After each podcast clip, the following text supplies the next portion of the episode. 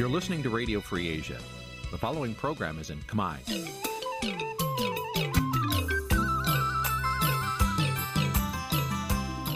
Nǐ chi càm bi tiệp xáy vệt chiu a zì sê ray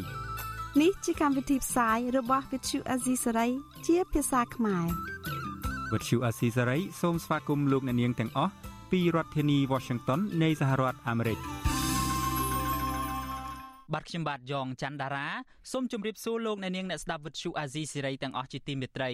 បាទខ្ញុំបាទសូមជូនកម្មវិធីផ្សាយសម្រាប់យប់ថ្ងៃអង្គារ14រោចខែកដិកឆ្នាំខាលចត្វាស័កពុទ្ធសករាជ2566បាទដែលត្រូវនឹងថ្ងៃទី22ខែវិច្ឆិកាគ្រិស្តសករាជ2022បាទជាដំបូងនេះសូមអញ្ជើញអស់លោកអ្នកនាងស្ដាប់ព័ត៌មានប្រចាំថ្ងៃដែលមានមេត្តាដូចតទៅ thank you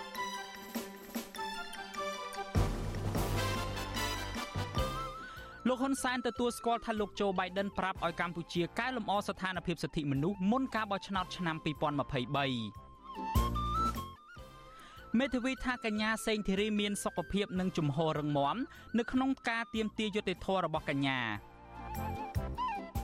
បាទតុលាការលើកពេលសវនាការជំនុំជម្រះក្តីស្ថាបនិកគណៈបកបេដងជាតិលោកសៀមភ្លុក នៅក្នុងនេតិវេទិកាអ្នកស្ដាប់វិទ្យុអាស៊ីសេរីនៅយប់នេះយើងនឹងជជែកថាតើកម្ពុជាអាចរក្សាភាពឯករាជ្យអព្យាក្រឹតនិងភាពជាម្ចាស់ការក្នុងវិស័យការពារជាតិរបស់ខ្លួនពីអធិបុលរបស់ប្រទេសកុម្មុយនីសបានដែរឬទេបាទរួមនឹងព័ត៌មានសំខាន់ៗមួយចំនួនទៀត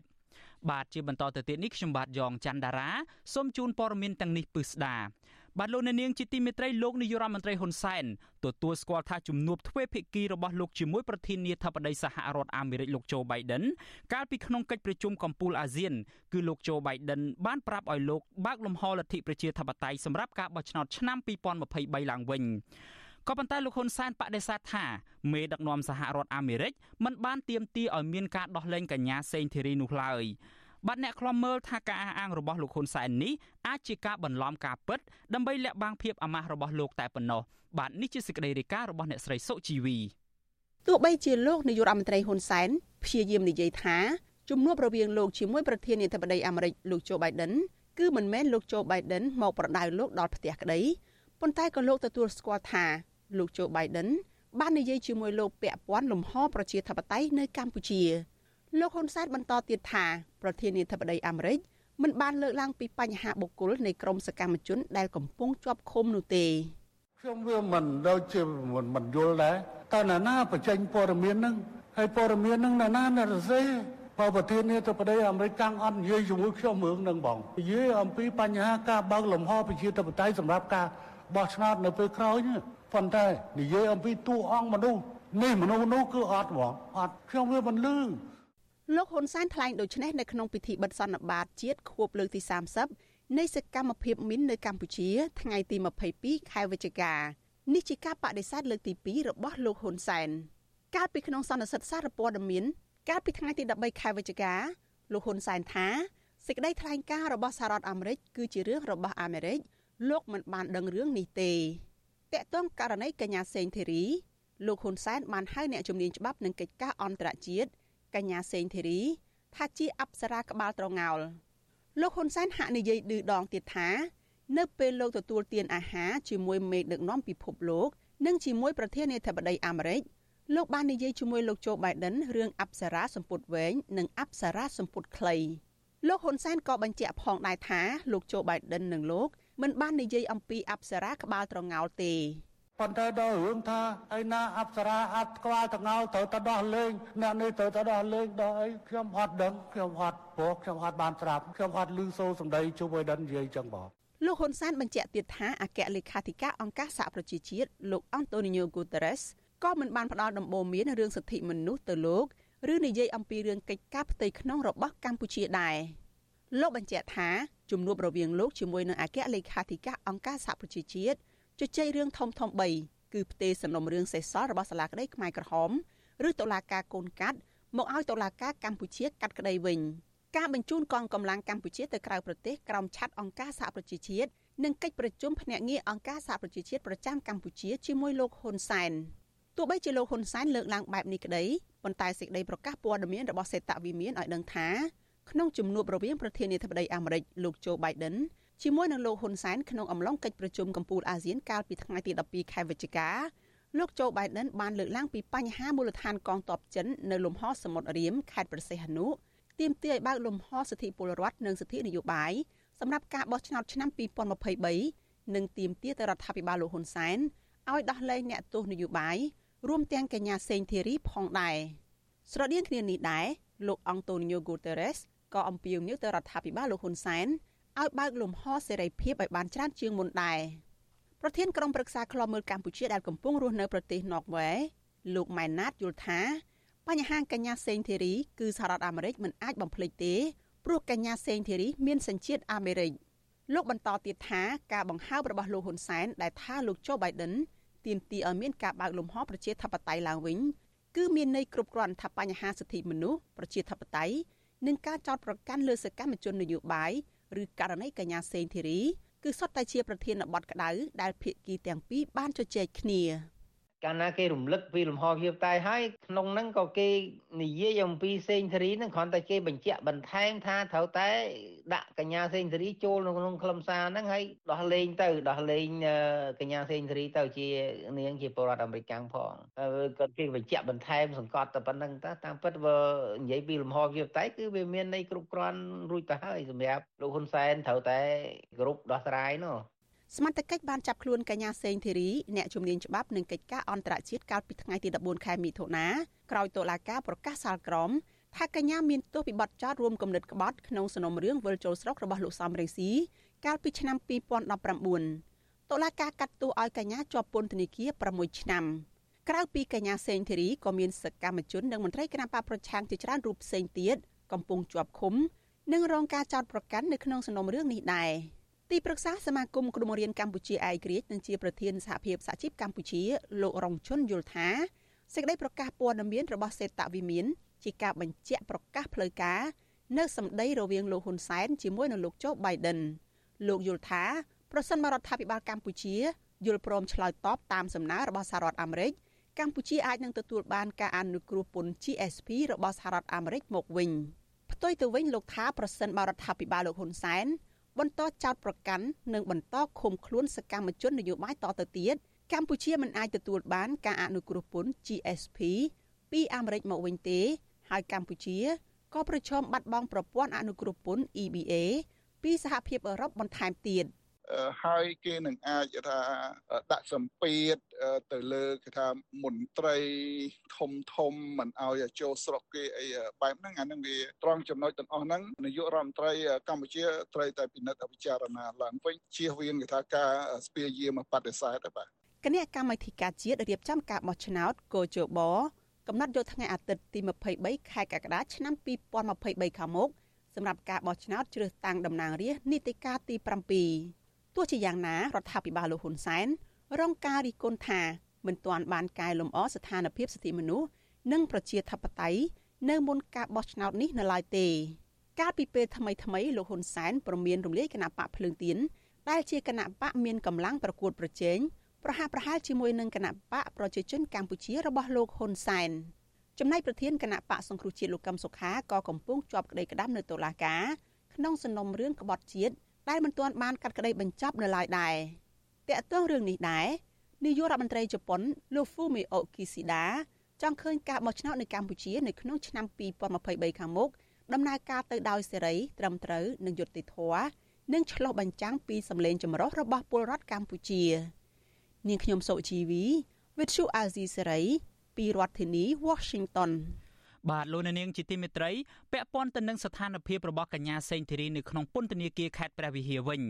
បាទមេធាវីអះអាងថាស្ថានភាពសុខភាពកម្លាំងចិត្តនិងជំហរទៀមទារបស់កញ្ញាសេងធីរីកាន់តែមានភាពរឹងមាំបន្ទាប់ពីអាជ្ញាធរពន្ធនាគារបានបន្ធូរបន្ថយលក្ខខណ្ឌរដ្ឋបិទសិទ្ធិនៅក្នុងពន្ធនាគាររបស់កញ្ញា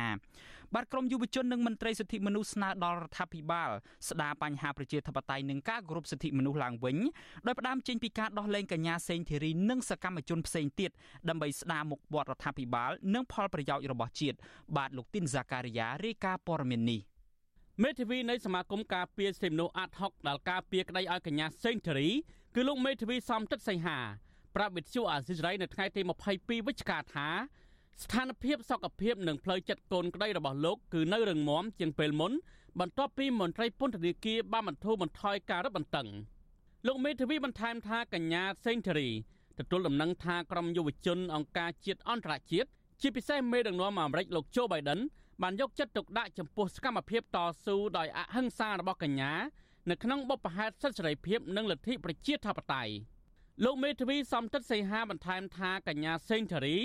សង្ឃឹមថានឹងទទួលបានយុត្តិធម៌ពិតប្រាកដនៅពេលខាងមុខលោកបញ្ជាក់ថាលោកនឹងរៀបចំដាក់ពាក្យការពារក្តីកញ្ញាសេងធារីទៅសាលាឧទ្ធរភ្នំពេញតាមនីតិវិធីរបស់តុលាការហើយបន្ទាប់មកលោកនឹងដាក់ពាក្យប្តឹងទៅតុលាការនេះដើម្បីស្នើសុំផ្ទេរការឃុំខ្លួនពីពន្ធនាគារខេត្តព្រះវិហារមកកាន់ពន្ធនាគារព្រៃសរនៅរាជធានីភ្នំពេញវិញដើម្បីឲ្យក្រុមគ្រួសារនិងមិត្តភ័ក្តិកញ្ញាសេងធារីងាយស្រួលក្នុងការទៅសួរសុខទុក្ខនិងងាយស្រួលដល់លោកចូលជួបកូនក្តី។ គាត់នឹងរក្សាចំហក្នុងការទាមទារសិទ្ធិឬសេរីភាពឬក៏ហៅថាលទ្ធិប្រជាធិបតេយ្យដោយអហិង្សាបន្តទៅទៀតទោះបីតែគាត់នៅពេលនេះគាត់ក្នុងក្រុមពន្ធនាគារឬតែចិត្តគាត់នៅតែរក្សាចំហបែបហ្នឹងនៅស្នើសុំគាត់បានមកត្រឡប់មកនាគាររាជធានីភ្នំពេញវិញទី1ហើយទី2គាត់នៅតែខឹមហើយជឿជាក់ថា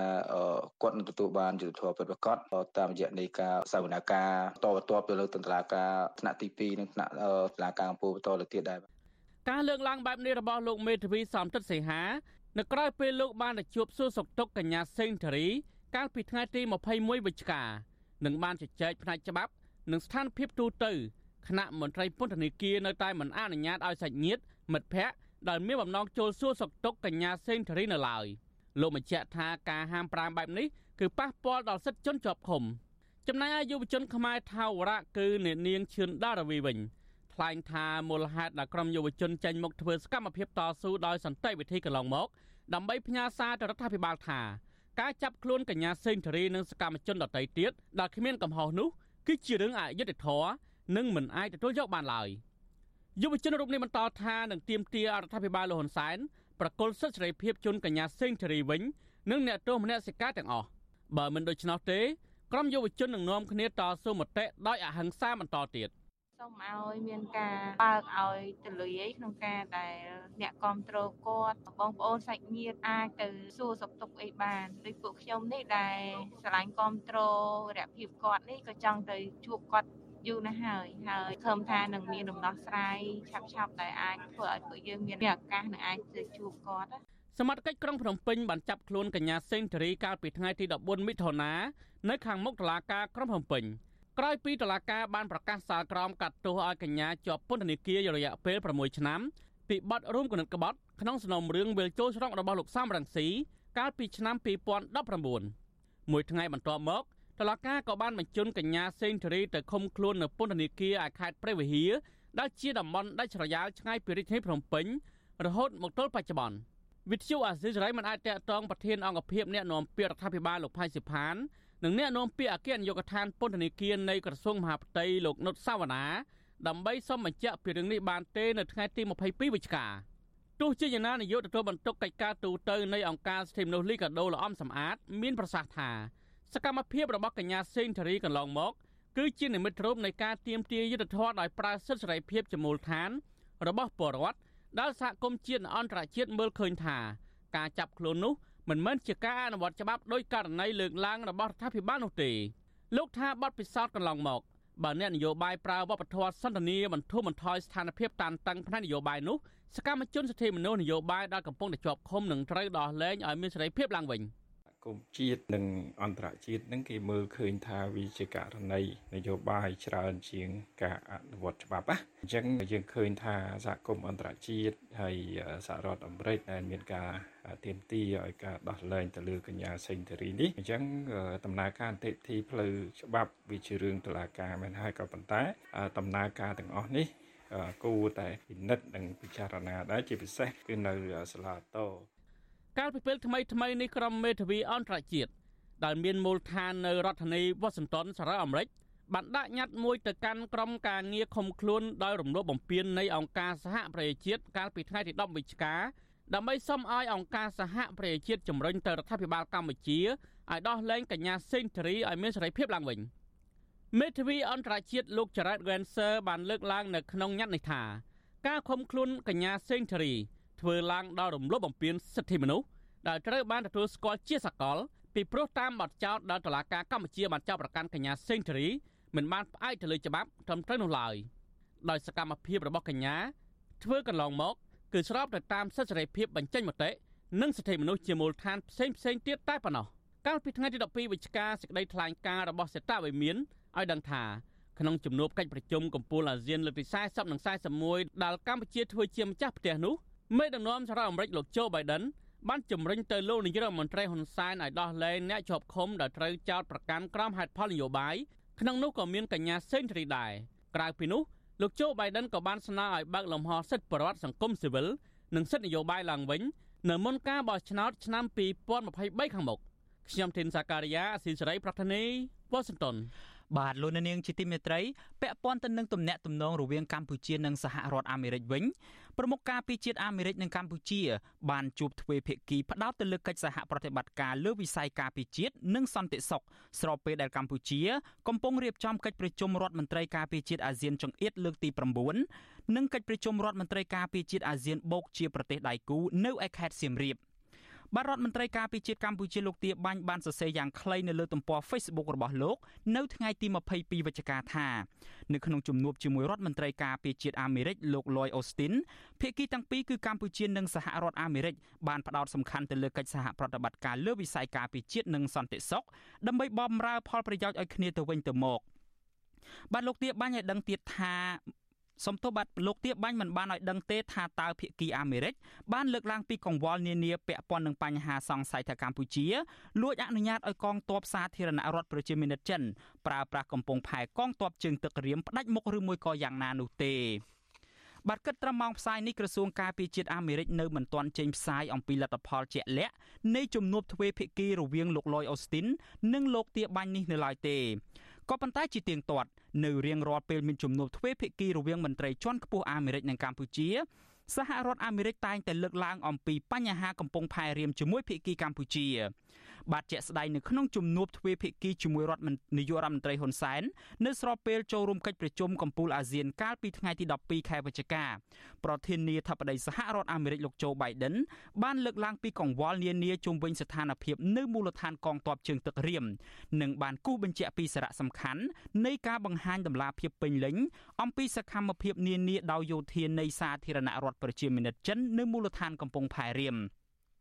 បាទទោះជាយ៉ាងណាក្រសួងការពារជាតិអាមេរិកបានប្រកាសឲ្យដឹងតាមរយៈសេចក្តីថ្លែងការណ៍នៅថ្ងៃទី22ខែវិច្ឆិកាថារ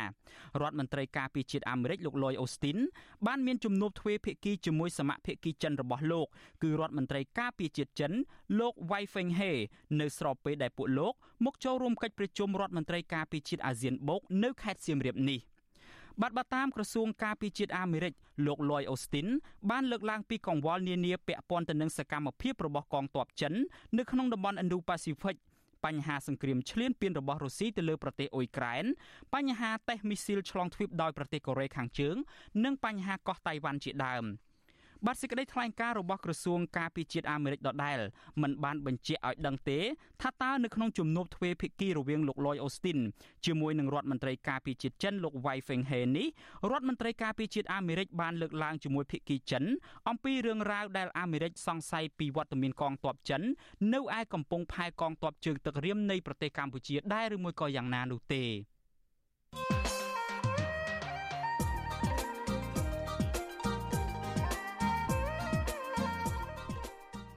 បាទលោកនាងជាទីមេត្រី បន្ទាប់ពីបញ្ចប់ការរៀបចំកិច្ចប្រជុំកំពូលអាស៊ាន កម្ពុជាកំពុងធ្វើជាម្ចាស់ផ្ទះរៀបចំកិច្ចប្រជុំដ៏សំខាន់មួយទៀតនោះគឺកិច្ចប្រជុំរដ្ឋមន្ត្រីការពារជាតិអាស៊ានបូកជាមួយប្រទេសដៃគូចំនួន8ក្នុងនោះរួមមានសហរដ្ឋអាមេរិកអូស្ត្រាលីជប៉ុនចិននិងរុស្ស៊ីផងដែរ បាត់កិច្ចប្រជុំរដ្ឋមន្ត្រីការពារជាតិអាស៊ានបូកនេះប្រព្រឹត្តទៅនៅក្នុងសប្តាហ៍នេះនៅឯខេត្តសៀមរាបក្រោមក្រសែភ្នែកឃ្លាំមើលពីសំណាក់ប្រទេសកុម្មុយនីសចិននិងប្រទេសវៀតណាមខណៈប្រទេសកុម្មុយនីសទាំងពីរនេះបានបញ្ជូនរដ្ឋមន្ត្រីការពារជាតិរបស់ខ្លួនមកកម្ពុជានៅមុនកិច្ចប្រជុំនេះនិងបដិញ្ញាបង្កើនកិច្ចសហប្រតិបត្តិការលើវិស័យយោធា ការពារជាតិនិងសន្តិសុខជាមួយកម្ពុជាជាចំហបាទស្ថិតនៅក្នុងស្ថានភាពបែបនេះតើកម្ពុជា អាចរក្សាដំណាភាពឯករាជ្យ អព្យាក្រឹតនិងភាពជាម្ចាស់ការនៅលើវិស័យការពិជាតិរបស់ខ្លួនបានដែរឬទេពីអធិបុលរបស់ប្រទេសកុម្មុយនីសទាំងនេះស្របពេលដែលសហរដ្ឋអាមេរិកនិងសម្ព័ន្ធមិត្តបន្តដាក់ការសង្ស័យពីរឿងវត្តមានកងទ័ពចិននៅមូលដ្ឋានទ័ពជើងទឹករៀមនោះបាទនេះគឺជាប្រធានបទដែលយើងនឹងលើកយកមកពិភាក្សានៅក្នុងនេតិវេទិកាអ្នកស្ដាប់វិទ្យុអាស៊ីសេរីយើងនៅយប់នេះ បាទប្រសិនបើលោកអ្នកនាងចង់ចូលរួមបញ្ចេញមតិយោបល់ឬមួយក៏មានសំណួរចង់សាកសួរវាគ្មិនរបស់នេតិយើងលោកអ្នកនាងអាចដាក់លេខទូរស័ព្ទរបស់លោកអ្នកនាងនៅក្នុងខ្ទង់ comment Facebook និង YouTube របស់ Vuthu Azizi Serai បាទក្រុមការងាររបស់យើងនឹងហៅទៅលោកអ្នកនាងវិញបាទសូមអរគុណ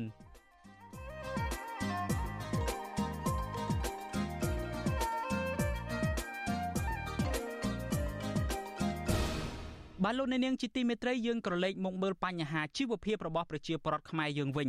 សកម្មជនគណៈបកប្រឆាំងចោតអាញាធរមូលដ្ឋាននៅក្នុងក្រុងភ្នំពេញមកពីគណៈបកកណ្ដាលអំណាចថាផ្ដាល់បានក្រីក្រជូនប្រជាពលរដ្ឋដោយរើសអើងនិន្នាការនយោបាយបាទសកម្មជនគណៈបកភ្លើងទៀនបន្តអំពាវនាវឲ្យរដ្ឋាភិបាលដោះស្រាយបញ្ហានេះនិងបញ្ឈប់ការរើសអើងនិន្នាការនយោបាយធ្វើបាបប្រជាពលរដ្ឋស្លូតត្រង់បន្តទៅទៀតបាទលោកសិចបណ្ឌិតសូមជូនសេចក្តីរាយការណ៍នេះពឺស្ដា អតីតសមាជិកក្រុមរក្សាសង្កាត់ច្បារអំពើមួយមកពីគណៈបកសង្គ្រោះជាតិលោកមិនលីណា មិនពេញចិត្តចំពោះទង្វើរបស់អាញាធរសង្កាត់មកពីគណៈបកកណ្ដាលអំណាចថាឬអើងនៅនឹងការនយោបាយក្នុងការផ្ដាល់បានក្រីក្រលើពលរដ្ឋណាដែលមិនគ្រប់គ្រងគណៈបកប្រជាជនកម្ពុជាសកម្មជនគណៈបកភ្លើងទីរូបនេះអះអាងថាបច្ចុប្បន្នគ្រួសារលោកទីទាល់ក្រខ្លាំងតែអាញាធរសង្កាត់ច្បារអំពើមួយមិនផ្ដាល់បានក្រីក្រឲ្យគ្រួសារលោកនោះទេ បើទោះបីជាលោកបានស្នើសុំជាច្រើនដងមកហើយក្តីលោកថាក្រោយពីប្រពន្ធរបស់លោកស្លាប់ទៅ បន្ទុកគ្រួសារទាំងមូលធ្លាក់មកលើលោកដោយត្រូវចិញ្ចឹមចៅពិការម្នាក់ខ្វះអាហារូបត្ថម្ភនិងកូនប្រុសម្នាក់ទៀតញៀនថ្នាំមានអាការៈមិនប្រក្រតីលោកចាត់ទុកទង្វើរបស់អាជ្ញាធរសង្កាត់ច្បារអំពើមួយ ថារើអើងនិន្នាការនយោបាយបំពេញខ្លឹមសាររដ្ឋធម្មនុញ្ញ អត់មានអី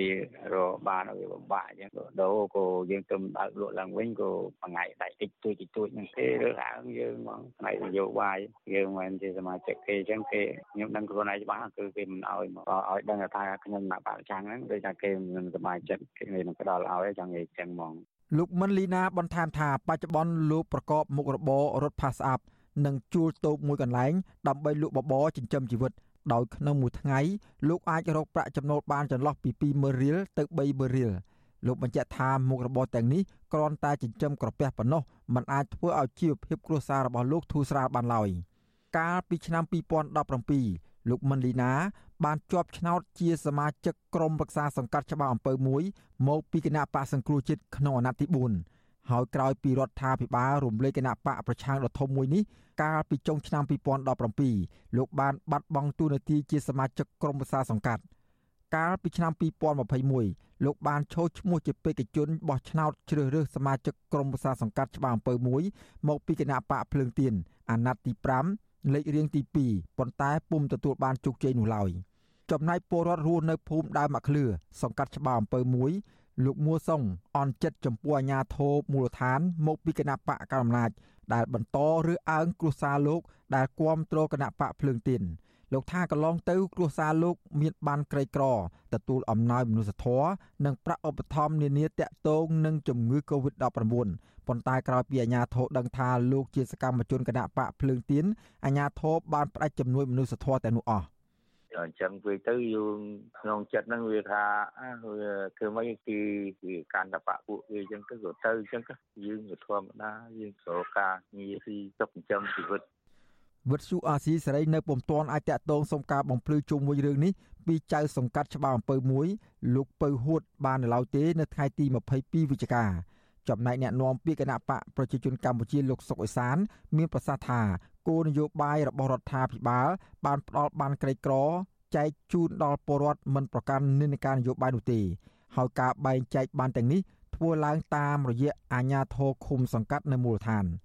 លោកយល់ថាបញ្ហានេះអាចជាការខ្វះចន្លោះរបស់អាជ្ញាធរឃុំសង្កាត់ហើយអាចដោយសារតែពលរដ្ឋមិនទាន់យល់ច្បាស់អំពីគោលនយោបាយរបស់រដ្ឋាភិបាលក្នុងការផ្ដល់បានក្រីក្រ ដែលមិនទាន់មានលទ្ធភាពដល់ជូនពលរដ្ឋក្រីក្របានគ្រប់គ្រប់គ្នានោះឡើយចឹងគេចែកអត់មានប្រកាន់និន្នាការនយោបាយទេដោយសារតែបានកិច្ចក្រហ្នឹងវាមិនបានចែកភ្លាមវាគ្រប់គ្នាសម្រាប់តាទូទាំងប្រទេសឲ្យដូចដូចគ្នានោះវានៅទេវាអាចខ្វះចន្លោះខ្លះក៏ប៉ុន្តែគេនឹងការធ្វើការកែតម្រូវបដាបដាដើម្បីធ្វើម៉េចឲ្យបងប្អូនដែលប្រឈមនឹងការខ្វះខាតហើយវាត្រូវនឹងក្របខ័ណ្ឌត្រូវនឹងលក្ខខណ្ឌដែលតម្រូវបានបានក្រីក្រហ្នឹងអាហ្នឹងជុំវិញរឿងនេះមន្ត្រីនាំពាក្យសមាគមការពារសិទ្ធិមនុស្សអាត6លោកសង្សានករណាយល់ថាប្រសិនបើអាជ្ញាធរមូលដ្ឋានឬអើងនិន្នាការនយោបាយក្នុងការផ្ដាល់បានក្រីក្រ គឺជាទង្វើបំពានរដ្ឋធម្មនុញ្ញលោកសាសូមឲ្យអាជ្ញាធរជាតិគួរតែពិនិត្យឡើងវិញចំពោះទង្វើទាំងនេះនិងដាក់ទោសទណ្ឌទៅលើមន្ត្រីណាដែលប្រព្រឹត្តកំហុស។ សកម្មភាពបែបនេះវាមានគ្រោះថ្នាក់ណាស់វាជាការផាត់ចេញនៅអ្នកនយោបាយសកម្មជននយោបាយចេញពីសង្គមបែបនេះវាជារឿងមួយដែលมันគួរកើតឡើងនៅក្នុងសង្គមប្រជាធិបតេយ្យនិងប្រទេសដែលគោរពតាមគោលការណ៍សិទ្ធិមនុស្សទាំងអស់នេះទេបាទរដ្ឋាភិបាលបានបង្កើតគោលនយោបាយផ្ដល់បានសមធម៌ឬបានក្រីក្រប្រភេទ1និងប្រភេទ2ដើម្បីបញ្ជាក់អត្តសញ្ញាណក្រមគ្រួសារពលរដ្ឋទីទាល់ក្រ អាចទទួលបានសេវាសង្គម អំណោយមនុស្សធម៌និងប្រាក់ឧបត្ថម្ភផ្សេងផ្សេងបាននេះពលរដ្ឋក្រីក្រមានសិទ្ធិទទួលបានជំនួយជាសាច់ប្រាក់សម្រាប់បង់ថ្លៃព្យាបាលជំងឺនៅគ្រប់មន្ទីរពេទ្យរដ្ឋឬមណ្ឌលសុខភាពហើយអ្នកដែលមើលថែអ្នកជំងឺក៏ទទួលបានប្រាក់ឧបត្ថម្ភក្នុងមួយថ្ងៃ5000រៀលសម្រាប់ថ្លៃអាហារផងដែរចំណែកស្ត្រីមានផ្ទៃពោះនិងឆ្លងទន្លេក៏ទទួលបានប្រាក់ឧបត្ថម្ភ200,000រៀលនិងបើកប្រាក់បាន10ដង ដោយក្នុងមួយខែបើកម្ដងបាន40000រៀល ខ្ញុំបាទសេកបណ្ឌិតវិទ្យុអាស៊ីសេរីពីរដ្ឋធានីវ៉ាស៊ីនតោន បាទលោកនាងជាទីមេត្រីពាក់ព័ន្ធទៅនឹងរឿងក្តីក្តាំនៅឯតុលាការឯណោះវិញចៅក្រមសាលាដំបងរាជធានីភ្នំពេញលោកខុនសូណាបានសម្រេចលើកពេលសវនាការជំនុំជម្រះក្តីសំណុំរឿងស្ថាបនិកគណៈបកបេដងជាតិលោកសៀមភ្លុកទៅពេលក្រោយវិញពីព្រោះតែអវត្តមានមេធាវីការពារក្តីបាទតុលាការក៏មិនទាន់កំណត់ថ្ងៃជាក់លាក់សម្រាប់ការកាត់ក្តីសំណុំរឿងក្លែងបន្លំ និងប្រើប្រាស់លិខិតក្លែងនេះនៅឡើយដែរ បាទមេលោកមេធាវីកែតខីឲ្យដឹងនៅថ្ងៃទី22ខែវិច្ឆិកានេះថាមេធាវីរបស់មេធាវីការពារក្តីរបស់លោកសៀមភ្លុកគឺលោកមេធាវីជួងជូងីនិងលោកមេធាវីសំសុគង្គអ្នកទាំងពីរគ្មានវត្តមាននៅតុលាការនោះទេ បាទលោកឲ្យដឹងទៀតថាក្រៅពីអវត្តមានមេធាវីការពារក្តីអ្នកពាក់ព័ន្ធនៅក្នុងសំណុំរឿងនេះមួយចំនួនទៀតដែលត្រូវចូលទៅបំភ្លឺនៅតុលាការនៅថ្ងៃដដែលនេះអ្នកខ្លះក៏មិនត្រូវបានសមត្ថកិច្ចយាមទ្វារតុលាការអនុញ្ញាតឲ្យចូលតុលាការដែរពីព្រោះតែពួកគេមិនទាន់បានទទួលដីកាពីតុលាការ អត់បានមកគាត់ទៅអាមេរិកហើយលោកមេធាវីសំសពងដែលការពីកុំក្តីច្រើននៅក្នុងរឿងនេះគឺគាត់អវត្តមានគាត់សុំពជាពេលសំណាការចាំឲ្យធ្វើការកោះម្ដងទៀតឲ្យបានត្រឹមត្រូវឲ្យមានវត្តមានមេធាវីទូទូនីនិងមេធាវីសំសពងចូលរួមផងបាទសមត្ថកិច្ចបានដឹកស្ថាបនិកគណៈបកបេដងជាតិលោកសៀមភ្លុកមកតុលាការនៅថ្ងៃទី22ខែវិច្ឆិកានេះ លោកសៀមភ្លុកក៏បានស្នើទៅតុលាការសុំលើកពេលសវនាការនេះផងដែរពីព្រោះលោកត្រូវការមេធាវីជួយការពារក្តីបាទសមត្ថកិច្ចបានចាប់ឃុំខ្លួនស្ថាបនិកគណៈបកបេដងជាតិលោកសៀមភ្លុកដាក់ពន្ធនាគារព្រៃសរម1កាលពីថ្ងៃទី27ខែមេសាតាក់ទងទៅនឹងបទចោទក្លែងបន្លំនិងប្រើប្រាស់លិខិតក្លែងទៅតាមបណ្ដឹងរបស់ក្រសួងមហាផ្ទៃពាក់ព័ន្ធទៅនឹងការស្នើសុំបង្កើតគណៈបកបេដងជាតិកាលពីឆ្នាំ2021 បាទនៅក្នុងសំណុំរឿងនេះក៏មានអ្នកពាក់ព័ន្ធជាង10អ្នកផ្សេងទៀតដែរក៏ប៉ុន្តែតុលាការបានអនុញ្ញាតឲ្យពួកគេអាចនៅក្រៅឃុំបណ្ដោះអាសន្នលើកលែងតែលោកសៀមភ្លុកម្នាក់ប៉ុណ្ណោះទេដែលកំពុងតែជាប់ឃុំបាទមន្ត្រីអង្គការសង្គមស៊ីវិលជំរុញទៅតុលាការគួរតែលើកលែងបទចោទប្រកាន់ទៅលើលោកសៀមភ្លុកនេះពីព្រោះស្ថាបនិកគណៈបកបេដងជាតិរូបនេះគ្មានចេតនាទុច្ចរិតនៅក្នុងការបង្កើតគណៈបកបេដងជាតិនោះឡើយ។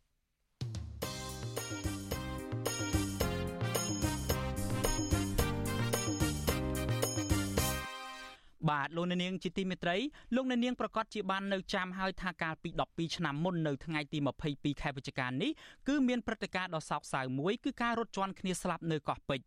បាទនៅថ្ងៃទី22ខែវិច្ឆិកានេះគឺជាខួប12ឆ្នាំហើយនៃព្រឹត្តិការណ៍រត់ជន់គ្នានៅលើស្ពានពេជ្រដែលបន្សល់នៅភាពសោកសង្រេងនិងឈឺចាប់ដល់ក្រុមគ្រួសារជនរងគ្រោះ។ បាទព្រឹត្តិការណ៍មនុស្សរត់ជន់គ្នាស្លាប់នៅលើកោះពេជ្រកាលពីយប់ថ្ងៃទី22ខែវិច្ឆិកាឆ្នាំ2010គឺជាព្រឹត្តិការណ៍ដ៏អាក្រក់បំផុតសម្រាប់កម្ពុជា នៅក្នុងរយៈពេលជាង30ឆ្នាំកន្លងទៅនេះ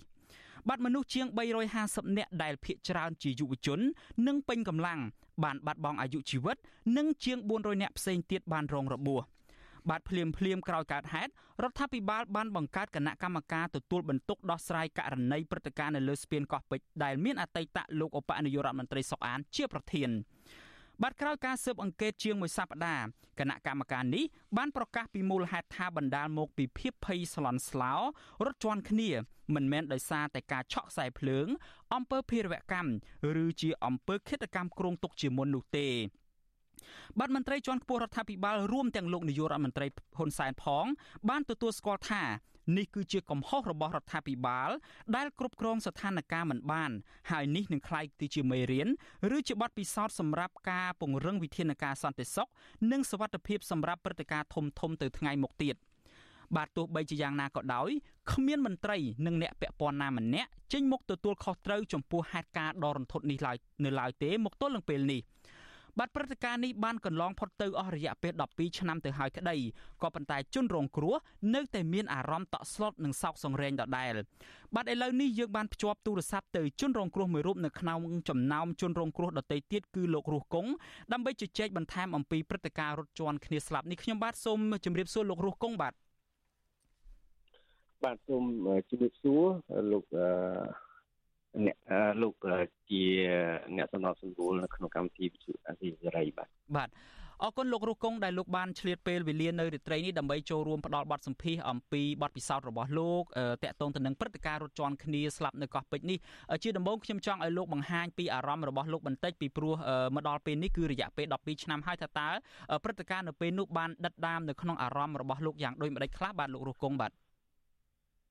បាទអរគុណអឺ សម្រាប់អារម្មណ៍ខ្ញុំនៅពេលដែលដល់ខួបម្ដងម្ដងព័ត៌មានជាច្រើនដែលពាក់ព័ន្ធទៅនឹងព្រឹត្តិការណ៍កោះពេជ្រវាលោតឡើងវិញអឺវាធ្វើឲ្យយើងនឹកឃើញរឿងរ៉ាវទាំងអស់ដែលខ្ញុំបានចងចាំរហូតមកដល់ពេលនេះហើយក៏វាជាអារម្មណ៍ដែលនៅតែអឺរន្ធត់វានៅតែមានការសោកស្ដាយនៅតែ ជាសោកនាដកម្មនៅក្នុងចិត្តរបស់យើងវាដូចជាសំហោលវាតូលតាមប្រានដែលយូរយូរវាវាដាស់យើងម្ដងអញ្ចឹងណាបាទបាទលោករស់កងការនោះលោកអឺគ្រាន់តែជាជនរងគ្រោះដែលរស់រៀនមានជីវិតក្នុងព្រឹត្តិការណ៍នឹងទេឬមួយក៏លោកមានបាត់បង់សាច់ញាតិក្រុមគ្រួសារអីនៅក្នុងព្រឹត្តិការណ៍នឹងដែរបាទបាទអរគុណមែនតែនទៅកាលនោះខ្ញុំដើរតែម្នាក់ឯងទេបាទនេះក៏ជា ជាមូលហេតុមួយដែលធ្វើខ្ញុំនិយាយដោះខ្លួនចេញពីបញ្ហាដែរអញ្ចឹងខ្ញុំអត់មានសាច់ញាតិបងប្អូនអឺរងគ្រោះដល់បាត់បង់អាយុជីវិតនៅក្នុងព្រឹត្តិការណ៍នោះទេបាទបាទ លោករស់គង់ដូចលោកបានជ្រាបស្រាប់ហើយថាមកទល់នឹងពេលនេះมันមានជនណាម្នាក់ឬមួយក៏មន្ត្រីរូបណាមួយចេញមុខទទួលខុសត្រូវចំពោះព្រឹត្តិការណ៍ដែលបណ្ដាលឲ្យប្រជាពលរដ្ឋយើងរាប់រយនាក់បានស្លាប់នេះទេថាតើចំពោះទស្សនៈរបស់លោកវិញលោកយល់យ៉ាងដូចម្ដេចដែរចំពោះចំណុចតាក់ទងទៅនឹងបញ្ហាយុត្តិធម៌សម្រាប់ជនរងគ្រោះនេះបាទបាទអឺនិយាយត្រឡប់ទៅវិញខ្ញុំគិតថាវាជារឿងហេតុដែលកើតឡើងដោយ មិនមានអ្នកណាចង់ឃើញទោះបីជាប្រជាពលរដ្ឋទោះបីជាយុវជនដែលកំពុងដើរលេងសប្បាយពេលនោះទោះបីរដ្ឋាភិបាលក្តីមិនមានអ្នកណាចង់ឲ្យកើតឡើងទេប៉ុន្តែវាអាចកើតឡើងដោយសារមូលហេតុអឺការលេងសើចច្រើន ការរុញច្រានគ្នាការប្រជិតគ្នាដូច្នេះរហូតមកដល់ពេលនេះសុថាតា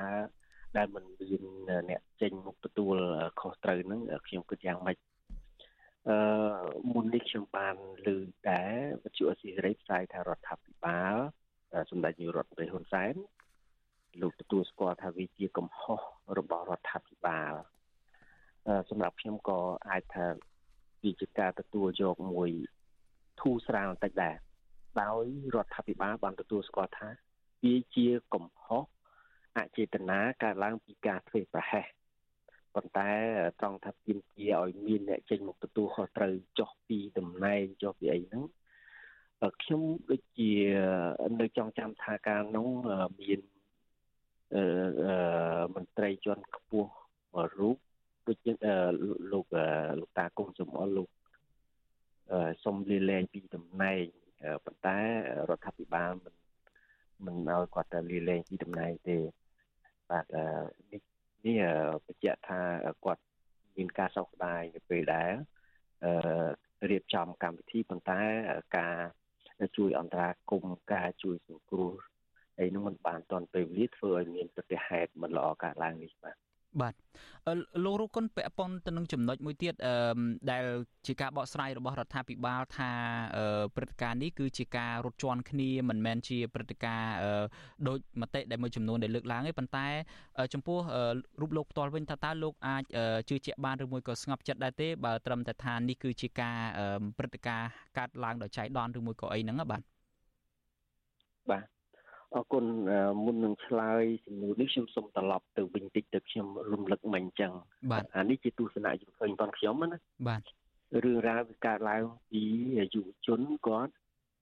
អឺក្មេងៗគាត់រុញច្រានគ្នាគាត់សបាយគាត់អឺបន្លំប៉ះគ្នាទៅវិញទៅមកទៅចេះទៅរុញទៅសំបីតែពេលនោះមានការប្រកាសប្រាប់ថាកុំទៅមុខទៀតមានគ្រោះថ្នាក់អីអីមួយទី3 ក៏នៅតែមានអ្នករុញច្រានគ្នាចឹងដែរនេះនេះជាការកត់សម្គាល់មួយ ការកត់សម្គាល់មួយទៀតវាចេញអំពីអឺអញ្ញាធរលោកថៃប្រហែសនិយាយថាអាចថាជាថ្ងៃចុងក្រោយហើយម៉ោង8 9ជប់ទៅហើយអញ្ចឹងប្រហែលជាគាត់ហត់នឿយប្រហែលថ្ងៃមកទៀតនឹងគាត់ត្រឡប់ទៅផ្ទះវិញគាត់សម្រាកដែរឬក៏យ៉ាងម៉េចយើងមិនច្បាស់គាត់ថា ការពិនិត្យឃើញជាក់ស្ដែងមិនមានអាជ្ញាធរនៅក្បែរក្នុងដើម្បីជួយអន្តរាគមន៍ទេទី1ទី2អឺសន្តិសុខរបស់ក្រុមហ៊ុននៃជាដើមនៅគុលស្ពានកាលនោះខ្ញុំឃើញមានតែម្នាក់គត់នៅពីខាងគុលស្ពានខាងនាការអឺដូច្នេះត្រឡប់មកវិញថាព្រឹត្តិការណ៍ហ្នឹងវាគួរតែធ្លាក់កំហុសទៅលើអ្នកណាខ្ញុំគិតថាយើងរកអ្នកទទួលខុសត្រូវដោយផ្ទាល់ វាវាវាមិនឃើញណាបាទហើយខ្ញុំទទួលស្គាល់ថាអឺវាជាការពិតនៅពេលដែលស្លាប់មានអ្នកខ្លះលើកឡើងថាអូមានខ្សែភ្លើងឆក់មានអីមានអីខ្ញុំហ៊ាននិយាយអះអាងថាมันមានទេពីព្រោះអីខ្ញុំឈរនៅតោងប្រកាន់ដៃស្ពាននោះរហូតហើយប្រកាន់ដៃស្ពានគឺដៃស្ពាននោះសឹងដៃទាំងអស់អឺខ្ញុំកាន់តាំងពីអឺមនុស្សមិនទាន់ស្លាប់រហូតដល់មនុស្សស្លាប់ រហូតដល់ខ្ញុំជួយយកមនុស្សចេញពីលើស្ពានរហូតដល់មានអាញាធរលោកបាញ់ទឹកដើម្បីជួយឲ្យឲ្យសើមជួយឲ្យបន្ថយកម្ដៅយុវជនឬក៏ជនរងគ្រោះនៅលើស្ពាននឹងឲ្យបានធូរស្រាលហ្នឹងក៏មិនមានភ្លើងឆក់ដែរបើសិនជាឆក់ខ្ញុំអាចនិយាយថាខ្ញុំក៏ឆក់ដែរប៉ុន្តែខ្ញុំអត់អីទេដូច្នេះខ្ញុំសន្និដ្ឋានថាមិនមានខ្សែភ្លើងឆក់អីទេបាទបាទអគិសនីឆក់ណាបាទបាទ អរគុណលោករស់គង់លោកមានអ្វីបន្ថែមជាចុងក្រោយបន្តិចទៀតទេបាទអ្វីដែលខ្ញុំចង់លើកចុងក្រោយនេះ គឺសូមឲ្យយុវជនមេត្តាប្រុងប្រយ័ត្នកុំភ្លេចព្រឹត្តិការណ៍នឹងឲ្យសោះនៅពេលដែលយើងទៅកន្លែងកំសាន្តផ្សេងផ្សេងដែលមានមនុស្សកកកញ្ច្រើនយើងកុំរុញច្រានគ្នាកុំដឹងតែពីទៅមុខ កុំដឹងតែពីបន្លំគ្នាសបាយនោះវានាំមនុស្សទុកសោកដូច12ឆ្នាំមុនអញ្ចឹងទី1ទី2រដ្ឋាភិបាលចំណុចនេះក៏ជាមេរៀនមួយដែលអាចថាជាប្រវត្តិសាស្ត្រមិនធ្លាប់កើតមាននៅស្រុកយើងទេគាត់នៅប្រជ្រៀតជាន់គ្នាលើស្ពានមួយស្លាប់អស់មនុស្សជាង350 60នាក់នេះអញ្ចឹងនៅពេលដែលរៀបចំលើព្រឹត្តិការណ៍បុណ្យជាតិឬក៏មានការជួបជុំណាមួយ ត្រៀមកម្លាំងសមត្ថកិច្ចឲ្យបានគ្រប់គ្រាន់ជួយអន្តរាគមន៍ទាំងចរាចរណ៍ក្តីទាំងសម្ដាប់ធ្នាប់ទាំងអីក្តីដើម្បីបង្ការកុំឲ្យរឿងហេតុទាំងឡាយនេះវាកើតមកវិញជាលើកទី2បាទបាទខ្ញុំបាទសូមអរគុណលោករស់គង់ដែលបានអញ្ជើញចូលរួមផ្ដល់ជាមតិយោបល់បន្ថែមតាក់ទងទៅនឹងព្រឹត្តិការណ៍រត់ជន់គ្នាស្លាប់នៅកោះពេជ្រកាលពី12ឆ្នាំមុននេះបាទខ្ញុំបាទសូមអរគុណនិងសូមជម្រាបលាលោកបាទអរគុណសូមជម្រាបលាបាទ Música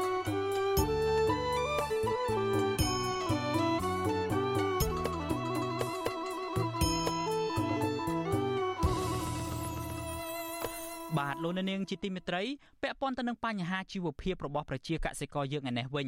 ប្រជាកសិករនៅខេត្តបាត់ដំបងនិងខេត្តបន្ទាយមានជ័យអះអាងថាតម្លៃស្រូវនៅតែមានតម្លៃថោកដោយសារតែឈ្មួញនឹងរោងម៉ាស៊ីនកិនស្រូវមួយចំនួនមិនទិញតាមតម្លៃដែលក្រសួងកសិកម្មបានកំណត់នោះឡើយបាទអ្នកជំនាញផ្នែកកសិកម្មជំរុញឲ្យក្រសួងកំណត់តម្លៃជាក់លាក់ និងតាមដានការទិញដូររបស់ឈ្មួញជៀសវាងចេញតែសេចក្តីប្រកាសព័ត៌មានតែខ្វះការអនុវត្តជាក់ស្ដែងបាទអ្នកស្រីម៉ៅសុធានីរាយការណ៍ព័ត៌មាននេះ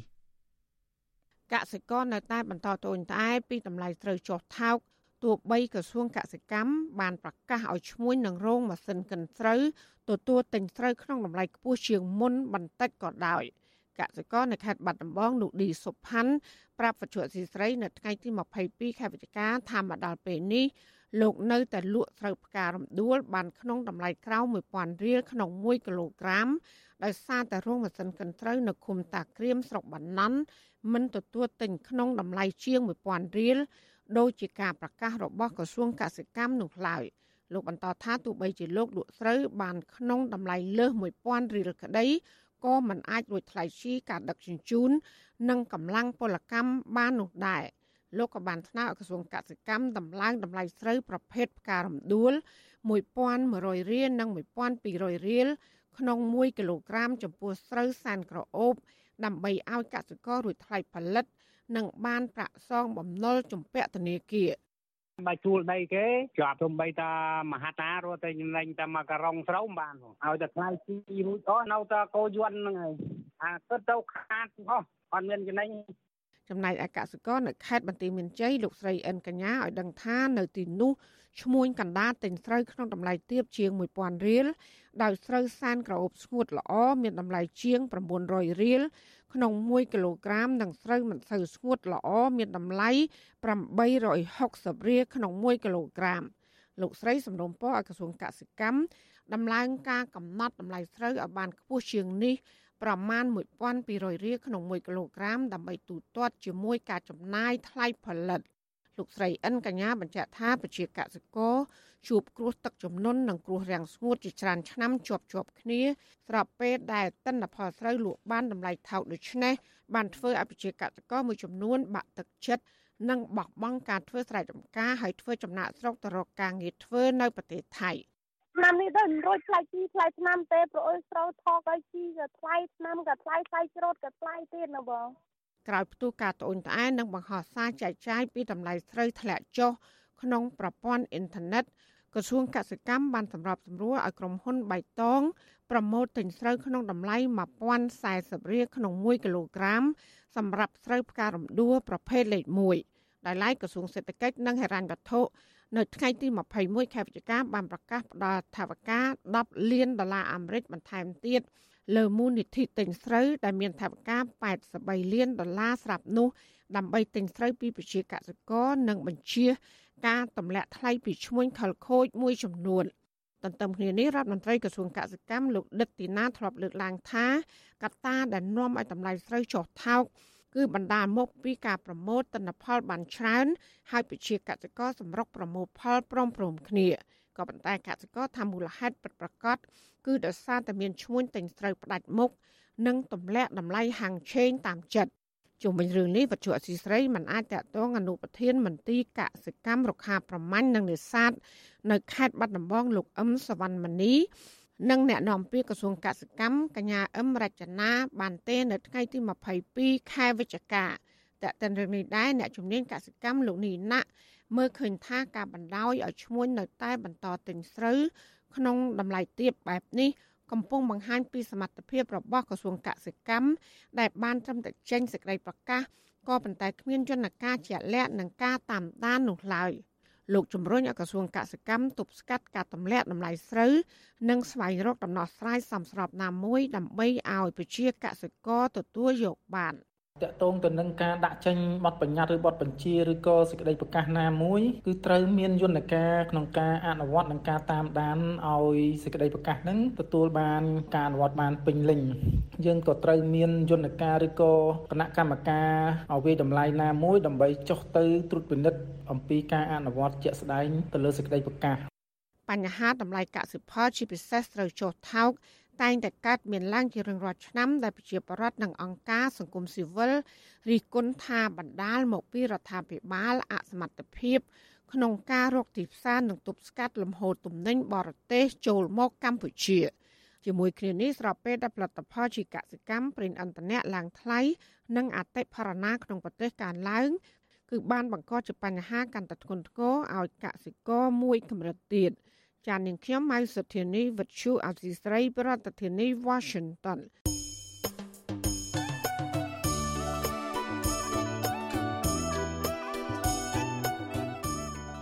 បាទលោកនាងជាទីមេត្រីដំណើរគ្នានឹងស្ដាប់ការផ្សាយរបស់ Vuthu Azizi Series នៅតាមបណ្ដាញសង្គម Facebook និង YouTube លោកនាងក៏អាចតាមដានស្ដាប់ការផ្សាយរបស់យើងតាមរយៈរលកធាតុអាកាសខ្លីឬមួយក៏ Shortwave បានដែរគឺតាមកម្រិតនិងកម្ពស់ដូចតទៅនេះ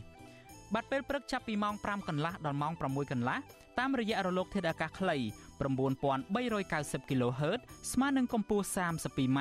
និង11850 kHz ស្មើនឹងកម្ពស់ 25m បាទពេលយប់ចាប់ពីម៉ោង7កន្លះដល់ម៉ោង8កន្លះតាមរយៈរលកធាតុអាកាសខ្លី9390 kHz ស្មើនឹងកម្ពស់ 32m 15155 kHz ស្មើនឹងកម្ពស់ 20m និង11885 kHz ស្មើនឹងកម្ពស់ 20m បាទសូមអរគុណ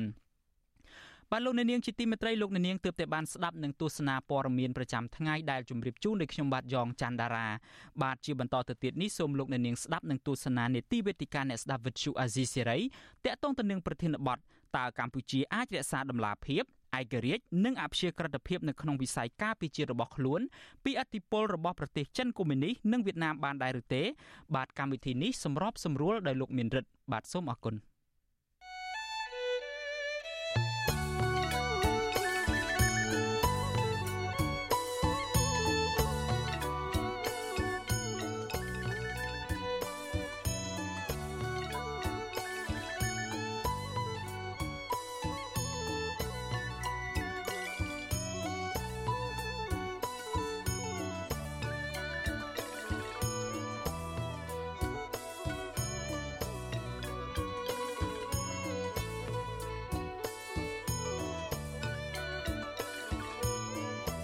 សពថ្ងៃនេះ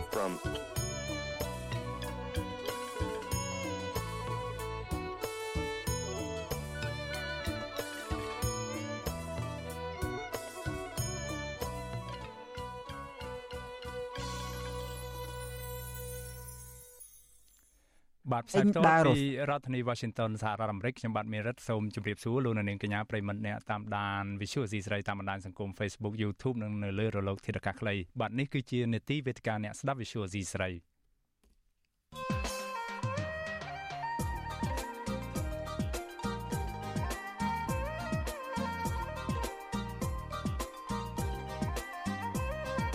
វេទិកាអ្នកស្ដាប់ Visual Azizi Serai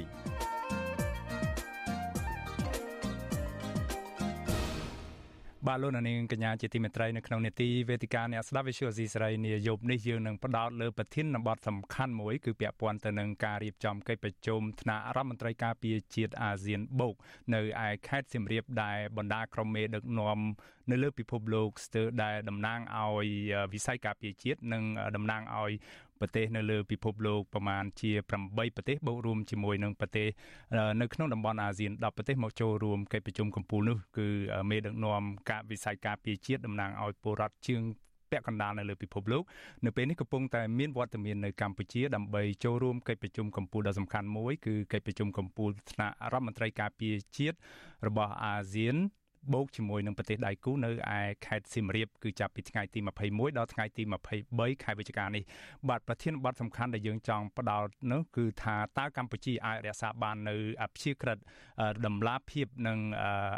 ភាពឯករាជ្យរបស់ខ្លួននៅក្នុងវិស័យការពារជាតិបានកម្រិតណា ស្របពេលដែលប្រទេសកុម្មុយនីសមួយចំនួនជាពិសេសគឺប្រទេសចិននិងប្រទេសវៀតណាមនឹងកំពុងតែបង្កើនឥទ្ធិពលពង្រីកកិច្ចសហប្រតិបត្តិការលើវិស័យយោធានិងវិស័យការពារជាតិនៅកម្ពុជានឹងកាន់តែតែខ្លាំងហើយដោយចំហទៀតនោះខណៈដែលភាគីសហរដ្ឋអាមេរិកហ្នឹងគឺកំពុងតែបន្តដាក់ការសង្ស័យទៅលើកម្ពុជាជុំវិញរឿងរ៉ាវចម្រូងចម្រាសនៃការដែលសង្ស័យថាកម្ពុជាលួចអនុញ្ញាតឲ្យចិនដាក់មូលដ្ឋាននិងកងទ័ពនៃសាធារណរដ្ឋប្រជាមានិតចិនហ្នឹងនៅកំពង់ផែកងទ័ពជើងទឹករៀមនៅឯខេត្តព្រះសីហនុបាទនៅថ្ងៃនេះវាយើងមានវាគ្មិនពីររូបចូលរួមគឺទី1គឺលោកបណ្ឌិតសេងសេរីដែលលោកជាអ្នកវិភាគនយោបាយលោកចូលរួមតាមប្រព័ន្ធ Skype ពីប្រទេសអូស្ត្រាលីបាទហើយវាគ្មិនមួយរូបទៀតគឺលោកសេកសុជាតិដែលលោកជាស្ថាបនិកនៃអង្គការអភិវឌ្ឍផ្នត់គំនិតហើយលោកចូលរួមតាមប្រព័ន្ធ Skype ពីកម្ពុជាបាទខ្ញុំសូមជំរាបសួរលោកវាគ្មិនទាំងពីរពីចម្ងាយបាទសូមជម្រាបសួរបាទបាទសូមជម្រាបសួរលោកមានរិទ្ធសូមជម្រាបសួរលោកដិតសេងសេរីផងដែរបាទ បាទអរគុណណាស់ដែលលោកទាំងពីរចំណាយពេលចូលរួមជាមួយកម្មវិធី Visual Asia ស្រីនៅពេលនេះខ្ញុំដឹងថាពេលនេះនឹងគឺយប់ជ្រៅណាស់ទៅហើយនៅឯប្រទេសអូស្ត្រាលីណោះសម្រាប់លោកបណ្ឌិតសេងសេរីហើយលោកសេកសុជាតិក៏មានភារៈរវល់ច្រើនដែរហើយលោកបានចំណាយពេលចូលរួមជាមួយយើង បាទដើម្បីចាប់ផ្ដើមនេះយើងដឹងថានៅកម្ពុជានឹងព្រឹត្តិការណ៍សំខាន់មួយដែរពិភពលោកកំពុងតែបដោតកសែភ្នែកទៅលើព្រឹត្តិការណ៍នៅកម្ពុជានឹងគឺថាមេដឹកនាំកំពូលកំពូលនៃតំណាងវិស័យការពារជាតិនឹងមកពីប្រទេសមហាអំណាចរួមមានសហរដ្ឋអាមេរិកចិនរុស្ស៊ីអូស្ត្រាលីនូវែលសេឡង់វៀតណាមជប៉ុនអីជាដើមបានមកមានវត្តមាននៅខេត្តខេត្តសៀមរាបដើម្បីចូលរួមកិច្ចប្រជុំកម្ពុជាមួយដែលជាផ្នែកមួយនៃកិច្ចប្រជុំអាស៊ានចុងក្រោយដែលកម្ពុជាធ្វើជាម្ចាស់ផ្ទះនៅចុងឆ្នាំនេះបាទនោះគឺកិច្ចកិច្ចប្រជុំថ្នាក់រដ្ឋមន្ត្រីការពារជាតិអាស៊ានក្នុងនោះមានពីរកិច្ចប្រជុំមសំខាន់គឺកិច្ចប្រជុំថ្នាក់រដ្ឋមន្ត្រីការពារជាតិអាស៊ានចង្អៀតដែលមានតែក្រុមរដ្ឋមន្ត្រីការពារជាតិនៃប្រទេសអាស៊ាន9ប្រទេសគឺមិនមានរដ្ឋមន្ត្រីការពារជាតិអាស៊ាននៃសំទោសមិនមានរដ្ឋមន្ត្រីការពារជាតិនៃរបបសឹកយោធាភូមិមកចូលរួមទេអញ្ចឹងហើយមានកិច្ចប្រជុំថ្នាក់រដ្ឋមន្ត្រីការពារជាតិនឹងតែ9ប្រទេសទេជាកិច្ចប្រជុំចង្អៀតហើយបន្ទាប់មកគឺនៅថ្ងៃស្អែកនេះគឺថ្ងៃទី23ខែវិច្ឆិកានេះនឹងមានកិច្ចប្រជុំថ្នាក់រដ្ឋមន្ត្រីការពារជាតិអាស៊ានបូកមានន័យថាជាមួយនឹងដៃគូចំនួន8ប្រទេសដែលក្នុងនោះដោយដែលលោកនាងឃើញនៅក្នុងរូបភាពនេះស្រាប់ហើយគឺមានរដ្ឋមន្ត្រីការពារជាតិអាមេរិកលោក Lloyd Austin មកចូលរួមប្រជុំហើយមានរដ្ឋមន្ត្រីការពារជាតិចិនរុស្ស៊ីកូរ៉េខាងត្បូងជប៉ុននិងប្រទេស អូស្ត្រាលីនូវែលសេឡង់អីជាដើមមកចូលរួមបាទដើម្បីកុំឲ្យខាត់ពេកខ្ញុំសូមចង់បានចំណាប់អារម្មណ៍ជាដំបូងពីសំណាក់លោកសេកសជាតិដែលលោកជាស្ថាបនិកនៃអង្គការផ្នែកកំណត់បុរដ្ឋហ្នឹងចង់ដឹងថាតើកិច្ចប្រជុំថ្នាក់រដ្ឋមន្ត្រីការពារជាតិនេះវាមានសារៈសំខាន់ប៉ុណ្ណាសម្រាប់កម្ពុជានៅពេលនេះបាទ បាទសូមអរគុណហើយសូមគោរពនឹងជំរាបសួរដល់បងប្អូនជនរួមជាតិសាជាថ្មីពាក់ព័ន្ធនឹងបញ្ហានេះគឺជារឿងមួយធំហើយវាមានកិត្តិយសមែនទែនសម្រាប់កម្ពុជាក្នុងនាមជាប្រធានអាស៊ានអឺដែលកិច្ចប្រជុំនេះយើងឃើញហើយថាមេដឹកនាំនៃ ប្រទេសធំធំនៅលើសកលលោកមានសហរដ្ឋអាមេរិកប្រទេសចិនហើយនិងប្រទេសជឿនលឿនមួយចំនួនរួមទាំងមេដឹកនាំ នៃក្រមប្រទេសនៅក្នុងតំបន់អាស៊ានលើកលែងតែមីយ៉ាន់ម៉ាមួយដែលមិនបានចូលរួមដោយសារតែគាត់មានបញ្ហាមិនអនុវត្តទៅតាមកូដសង្ស៊ី5ចំណុចរបស់អាស៊ាន ដែលបានដាក់ជូនគាត់កាលពីឆ្នាំកន្លងទៅក៏ប៉ុន្តែយើងមើលឃើញចំណុចមួយដែលយើងនិយាយថាវាគឺជាកិត្តិយសក៏ប៉ុន្តែនៅក្នុងនេះក៏វាមានបញ្ហាមួយចំនួនដែរដែលកម្ពុជាក្នុងនាមជាម្ចាស់ផ្ទះហើយក្នុងនាមជាប្រធាន អាស៊ានលើកទី40 41ក៏ដូចជាកិច្ចប្រជុំផ្សេងផ្សេងជាពិសេសគឺកិច្ចប្រជុំរដ្ឋមន្ត្រីការពារជាតិនៃប្រទេសអាស៊ានបូកលើកនេះយើងឃើញចំណុចដែលយើងចាប់អារម្មណ៍ខ្លាំងជាងគេនោះគឺបញ្ហាពាក់ព័ន្ធជាមួយនឹងចំនួនផ្ទៃក្នុងនៅក្នុងតំបន់អាស៊ានជាមួយនឹងមហាអំណាចចិនពាក់ព័ន្ធទាំងបញ្ហាសមុទ្រចិនខាងត្បូងហើយបញ្ហា សន្តិសុខនៅក្នុងតំបន់ដែលយើងត្រូវតែរួមគ្នានៅក្នុងនាមជាប្រទេសអាស៊ានដើម្បីដោះស្រាយបញ្ហាហ្នឹងហើយចំណុចមួយដែលសំខាន់តកតងនឹងកម្ពុជានោះគឺពាក់ព័ន្ធជាមួយនឹងបញ្ហានៅនៅសមុទ្ររៀមនៅតំបន់រៀមដែលជាតំបន់ដែលមានការសង្ស័យពីសហរដ្ឋអាមេរិកនិងប្រទេសមួយចំនួនដែលថាកម្ពុជាបានផ្ដល់ នៅសិទ្ធឲ្យមានការបោះតង់ឬក៏រៀបចំនៅមានកងទ័ពបរទេសដែលនៅលើទឹកដីតំបន់នោះដូច្នេះហើយនេះគឺជាឱកាសមួយដែលល្អដែលខ្ញុំមើលឃើញថាកម្ពុជាគួរតែឆ្លៀតយកឱកាសដ៏ល្អនេះឲ្យដោះស្រាយបញ្ហានេះបញ្ចប់តែម្ដងដើម្បីកុំឲ្យមានមន្ទិលសង្ស័យតាក់ទងជាមួយនឹងការ លើកឡើងម្ដងហើយម្ដងទៀតរវាងសហរដ្ឋអាមេរិករវាងភាគីប្រទេសជាប់ខាងយើងហើយក៏ដូចជាជាមួយនឹងប្រទេសចិនក៏ដូចជានៅក្នុងតំបន់អាស៊ានទាំងមូលពីព្រោះយើងឃើញថានេះគឺជាពេលវេលាដ៏កម្រមែនទែនហើយបានចូលមកដល់ទឹកដីកម្ពុជាទៀតគួរតែឆ្លៀតឱកាសនេះដើម្បីជំរះមន្ទិលសង្ស័យនេះដើម្បីឲ្យគ្រប់ភាគីពាក់ព័ន្ធជាពិសេសគឺសហរដ្ឋអាមេរិកហើយនិងប្រទេសដែលគាត់មានផ្ោះតាងថា កម្ពុជានឹងរៀបចំឲ្យមានកិច្ចសហប្រតិបត្តិការពិសេសជាមួយនឹងកងទ័ពជើងទឹកផុនប្រទេសចិនអីហ្នឹងគួរតែបើកចំហហើយគួរតែរកវិធីដោះស្រាយបញ្ហានេះពីព្រោះបើសិនជាយើងមិនឆ្លៀតឱកាសនេះទេបញ្ហានេះវានឹងក្លាយទៅជាជំងឺរ៉ាំរ៉ៃមួយហើយវានឹងធ្វើឲ្យប៉ះពាល់នៅតំណែងតំណងការបរទេសរវាងប្រទេសកម្ពុជាជាមួយនឹងសហរដ្ឋអាមេរិកជាមួយនឹងប្រទេសផ្សេងៗដែលគាត់កំពុងតែមាន បញ្ហាមួយចំនួនតាក់ទងជាមួយនឹងចំនួននៅក្នុងសមុទ្រចិនខាងត្បូងនេះគឺជាជារឿងមួយដែលខ្ញុំមើលថាវាគឺជាឱកាសមាសសម្រាប់កម្ពុជានៅក្នុងការបកស្រាយឬក៏បង្ហាញផ្ោះតាងឲ្យគ្រប់ភាគីពាក់ព័ន្ធទាំងអស់គាត់ឈប់មានការសង្ស័យហើយធ្វើឲ្យកម្ពុជាមានឯករាជ្យភាពរបស់ខ្លួនវិញបើសិនជាយើងមិនធ្វើចឹងទេយើងមិនអាចប្រកាន់នៅ គោលជំហរអឺតម្លាភាពឯករាជ្យអព្យាក្រឹតហើយម្ចាស់ការនៅក្នុងវិស័យការពារជាតិរបស់ខ្លួនបានទេបាទអរគុណនេះគឺជាចំណុចដែលខ្ញុំចាប់ផ្ដើមបាទអរគុណលោក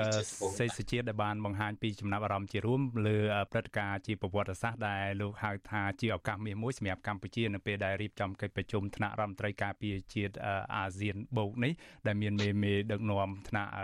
មកពីវិស័យការពារជាតិនឹងតំណាងឲ្យពលរដ្ឋស្ទើរតែពាក់កណ្ដាលពិភពលោកមកចូលរួមនៅកម្ពុជានេះបាទហើយសំខាន់លោកផ្ដោតពីបញ្ហានៅក្នុងតំបន់ក៏ដូចជាបញ្ហានៅកម្ពុជាដែលបញ្ហានៅកម្ពុជាគឺនរណានរណាក៏ដឹងដែរគឺរឿងរ៉ាវដែលសហរដ្ឋអាមេរិកនិងសម្ព័ន្ធមិត្តរបស់អាមេរិកបន្តដាក់ការសង្ស័យរឿងវត្តមានកងទ័ពនៃសាធារណរដ្ឋប្រជាមានិតចិនឬយើងហៅជាភាសាអង់គ្លេសថា PLA នៅឯកងទ័ពកំពង់ផែកងទ័ពជើងទឹករៀមយើងនឹងផ្ដោតបញ្ហានេះសំខាន់ទាំងពីរនេះទាំងបញ្ហាតំបន់និងបញ្ហាជាតិយើងនៅកម្ពុជានេះបន្តទៅទៀតខ្ញុំសូមជម្រាបជូនប្រិមិត្តអ្នកស្ដាប់អ្នកតាមដានទស្សនា Visual Asia ស្រីតាមបណ្ដាញសង្គម Facebook YouTube និងស្ដាប់នៅលើរលកធាតុអាកាស ខ្លីគឺ short wave នៃកម្មវិធីផ្សាយផ្ទាល់នៅពេលនេះគឺនៅម៉ោង8:30នាទីបន្តិចទៀតនេះលោកនាងដែលតាមដានស្ដាប់ការផ្សាយផ្ទាល់នៅលើរលកធាតុអាកាសខ្លី short wave លោកនាងនឹងមិនលឺការផ្សាយរបស់យើងទៀតទេដូច្នេះសូមអញ្ជើញលោកនាងងាកមកបើកស្ដាប់និងទស្សនាការផ្សាយរបស់យើងផ្ទាល់នៅលើបណ្ដាញសង្គម Facebook និង YouTube ជាបន្តទៅទៀតដោយយើងនឹងផ្សាយបន្តរហូតដល់ម៉ោង9យប់នេះហើយប្រសិនបើលោកនាងមានជាចម្ងល់ឬក៏ជាសំណួរចង់ផ្ដោតទៅលើប្រធានបទរបស់យើងតាក់ទងទៅនឹងថាតើកម្ពុជាអាចរក្សាភាពម្ចាស់ការដំណាភាពអព្យាក្រឹតនៅក្នុងវិស័យការពារជាតិរបស់ខ្លួនដែរទេស្របពេលដែលប្រទេសចិនកុម្មុយនីសនិងប្រទេសកុម្មុយនីសវៀតណាមនឹងបន្តបង្កើនកិច្ចសហប្រតិបត្តិការលើវិស័យយោធាការពារជាតិនៅកម្ពុជាជាចំហកាន់តែខ្លាំងឡើងខ្លាំងឡើងពីមួយថ្ងៃទៅមួយថ្ងៃនោះបាទសូមអញ្ជើញលោកអ្នកនាងដាក់ជាសំណួរឈ្មោះនិងលេខទូរស័ព្ទរបស់លោកអ្នកនាងនៅក្នុងប្រអប់ខ្ទង់ comment នៃការផ្សាយផ្ទាល់របស់យើងនៅពេលនេះហើយក្រុមការងាររបស់យើងនឹងហៅទៅលោកអ្នកនាងដើម្បីចូលរួមដាក់ជាសំណួរទៅកាន់វាគ្មិនរបស់យើង បាទសម្រាប់ពេលនេះ ជាបន្ទាប់ទៅទៀតខ្ញុំចង់ងាកទៅលោកបណ្ឌិតសេងសេរីវិញម្ដងបាទលោកបណ្ឌិតមានចំណាប់អារម្មណ៍យ៉ាងណាដែរជំវិញការដែលកសែភ្នែករបស់ពិភពលោកកំពុងតែផ្ដោតបាញ់ឆ្ពោះទៅលើប្រទេសកម្ពុជានៅខេត្តសៀមរាបនោះខណៈដែលថ្ងៃនេះមានព័ត៌មានមកហើយថាមានជំនួបទ្វេភាគីរវាងរដ្ឋមន្ត្រីការពារជាតិអាមេរិកលោក Lloyd Austin និងរដ្ឋមន្ត្រីការពារជាតិចិនលោក Wei Fenghe នៅជំនួបផ្ទាល់ជាមួយគ្នាដែលមេមេពិភពលោកទាំងពីរអ្នកនេះ ដោយដែលយើងដឹងហើយថាសហរដ្ឋអាមេរិកនិងចិនកំពុងតែមានបញ្ហាប្រឈមជាច្រើនណាស់នៅក្នុងទំនាក់ទំនងវិស័យការពារជាតិយោធានិងវិស័យកិច្ចសហប្រតិបត្តិការមួយចំនួនទៀតទាក់ទងទៅនឹងការដែលក្រុមអ្នកវិភាគហៅថាជាការប្រកួតប្រជែងឬដណ្ដើមទីតាំងភូមិសាស្ត្រនយោបាយនៅតំបន់ Indo-Pacific និងនៅលើពិភពលោកនោះបាទសូមអញ្ជើញលោកបណ្ឌិតបាទបាទសូមជម្រាបសួរបងប្អូនអ្នកស្ដាប់អាស៊ីសេរីហើយសួស្ដីលោកបណ្ឌិតសេចជាតិ ខ្ញុំមានចំណុចមួយចំនួនដែលជាការចាប់អារម្មណ៍ហើយបាទចំណុចដំបូងនេះយើងឃើញថានៅលើពិភពលោកបច្ចុប្បន្ននេះមានតំបន់2ដែលដែលមានការចាប់អារម្មណ៍ខ្លាំងហើយដែលមនុស្សមួយចំនួនហ្នឹងគិតថាវាជាចំណុចដែលអាចកឲ្យមានសង្គ្រាមលោកលើកទី3អឺអ្វីដែលអ្វីដែលការឡើងនៅអ៊ុយក្រែននិងរុស្ស៊ីជាចំណុចមួយក៏ប៉ុន្តែមួយរយៈចុងក្រោយនេះ តំបន់ Indo-Pacific ជាពិសេសដែលមានអាស៊ានជាស្នូលនៃចំនួនដណ្ដើមដែលប្រកួតប្រជែងអំណាចយោធាសេដ្ឋកិច្ចរវាងសហរដ្ឋអាមេរិកនិងចិននោះក៏ជាចំណុចចាប់អារម្មណ៍របស់មនុស្សទូទាំងពិភពលោកដែរជារឿងដែលគួរឲ្យចាប់អារម្មណ៍ថ្មីថ្មីនេះជាពិសេសនៅក្នុងខែសីហាតែមួយក្នុងឆ្នាំ2022នេះអឺបានអាស៊ី